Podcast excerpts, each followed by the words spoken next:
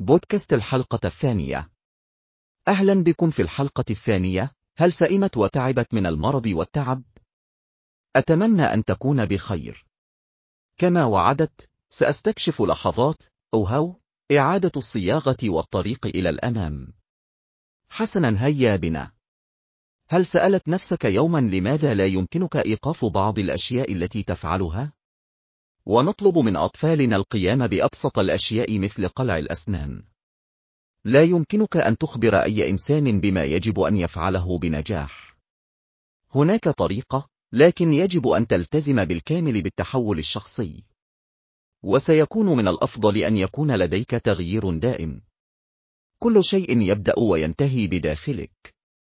إذا كان هناك تحول، فلا يمكن أن يأتي إلا من الداخل. أولا ستأتي لحظة. آها.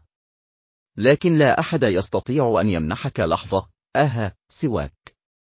عندما تحصل على. آها الوحي. يكون الأمر أشبه برؤية شيء كان موجودا دائما. لقد مر الجميع بلحظة. آها. لكن هذا وحده لا يكفي للتحول. المرحلة التالية من البراز هي إعادة الصياغة. تعتبر القدرة على رؤية الأشياء من منظور مختلف أمرا فعالا للغاية. إنه مثل طفل يوصف بأنه سيء. على سبيل المثال، تمت معاقبة طفل لركوبه دراجته من منحدر دراجات مشيد ثم تحطم دراجته. ولكن بمجرد إعادة الصياغة، يمكن للشخص أن يدرك نفسه. وأقول، انظر كم أنا مغامر. وأنا مبتكر. لدي دافع ذاتي ولا خوف. يمكنك أن ترى كيف سيسمح لك منظور واحد بإنجاز أي شيء. لكن الآخر سيمنعك من فعل أي شيء. سيكون للناس نظرة مسبقة عنك من خلال عدسات حياتهم. وسوف تؤدي إلى توقعات الآخرين. ثم ستعزز أفعالك آراء الآخرين عنك. أن تصنع شاغلا مدى الحياة. ثم الجزء الثالث الذي لا يقل أهمية هو الطريق إلى الأمام. يجب أن يكون المسار دقيقا وصارما ومقيدا بالوقت. وكل ذلك يجب أن يأتي من الداخل. لكن بدون تأثير المرأة، كيف يمكنك أن تفعل ذلك بنفسك؟ لن تفعل. لذا كما وعدت، سأعيد النظر في إحدى قصص الحياة التي ذكرتها. حاول والدي سكب دهن الطبخ الساخن علي وأنا مراهق. كان لديه عادة محاولة التقليل من قدرتي. وسيكون ضارا جدا. ومع ذلك، سيكون مجاملا لي عندما يتحدث إلى إخوتي عندما يقلل من شأن إخوتي. اكتشفت لاحقا أن والدي كان من زواج سابق وعانى من عقدة النقص، وشعر دائما بالحاجة إلى السيطرة، وهو أمر مفهوم. كانت تلك لحظة آها الخاصة بي. كنت دائما أتوصل إلى طرق فريدة للقيام بالأشياء. شعرت بالملل من القيام بأشياء بسيطة متكررة. كنت مبتكرا ومبدعا ومخلصا ولا شجاعة. لقد تم تصنيفي بصلابة الرأس. لم أتبع قط ما قال لي أحدهم أن أفعله بدون تقييم شخصي. ولن تخبر عن الأصدقاء أبدا.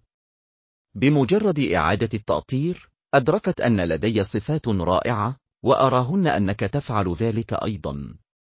لكن هذا لا شيء بدون الطريق إلى الأمام. أول شيء يجب عليك فعله هو أن تجد نفسك عندما لا يسمح لك أبدا أن تكون أنت. سيكون من الأفضل إذا كان لديك تقييم القيمة الأساسية. لدينا جميعا ثلاث نسخ من أنفسنا. الشخص الذي نصوره للآخرين، والشخص الذي نتمنى أن نكونه، والشخص الذي نحن عليه. محاولة معرفة من أنت أمر صعب. وإذا لم تبني من هذا الأساس، فإن كل ما تقوم بإنشائه سوف يتحلل في النهاية. إذا كنت تقدر العائلة أولا، ولكنك مجازف ورائد أعمال، فقد يكون لديك صراع داخلي كبير. سوف تطاردك مشاعر الذنب. لن تعرف أبدا سبب شعورك بالسوء دائما، حتى عندما تفعل الخير. حدد المخرج. إذا لم يتم تحديد حالة الهدف بوضوح، فلا يمكن أن تكون هناك خطة هجوم محددة بوضوح. إذا قال شخص ما، أريد أن أفقد الوزن. أو سأفقد الوزن. لن يفقد الوزن عن قصد. ومع ذلك، إذا قال أحدهم أنني أريد خسارة ثلاثين رطلا في تسعين يوما، فهناك هدف محدد، ومهلة زمنية، ومساءلة. يمكنك بناء هذه الخطة. ويمكن أن تكون هناك معالم المساءلة. إذا كنت تبلغ ثلث الطريق ولم تفقد ثلث وزنك بعد، يمكنك بسهولة تعديل خطتك. بالإضافة إلى ذلك، ستكون قادرا على التعامل مع التصحيحات دون التباس. بمجرد أن تجمع كل هذه المبادئ، سيكون لديك خطة صلبة. أنا متأكد من أنك تدرك أنك لم تخرج من الغابة بعد. لقد أخبرتك أن لديك جميع الإجابات والأساليب ومجموعات المهارات اللازمة، فأنت على الأرجح تتساءل لماذا لم تتغير بعد. كيف يمكنك استخدامه إذا كنت لا تعرف عظمتك الداخلية ولا يمكنك الوصول إليها؟ حان الوقت للتوقف عن لوم نفسك وأي شخص آخر على مكانك. قد تترك شخصا ما يحتجزك كرهينة لشيء نسيه بالفعل. وهذا الشخص يمكن أن يكون أنت. قد تكون مختبئا وراء ملصق لا يسمح لك بمساعدة نفسك. أنا متأكد من هذه الزاوية. يجب أن تشعر بالرضا. قد تكون بائسا جدا. بصراحة، لك الحق في أن تفعل ما تريد لنفسك. ولكن بمجرد أن تتذوق طعما، لن ترغب في العودة. ولماذا عليك؟ هناك فرق كبير بين العقلية المرض وتؤذي نفسك عقليا. لسوء الحظ، لا نعرف دائما الفرق. آمل أن تكون قد اكتسبت بعض البصيرة القيمة. وآمل أن تنضم إلي في البودكاست التال. بينما نواصل رحلتنا نحو قوة، لا. سوف نجد ونبني من عبقريتك الداخلية. ستكون هناك ندوات وبرامج إضافية عبر الإنترنت مع إمكانية الوصول والدعم عبر الإنترنت. ابقوا متابعين.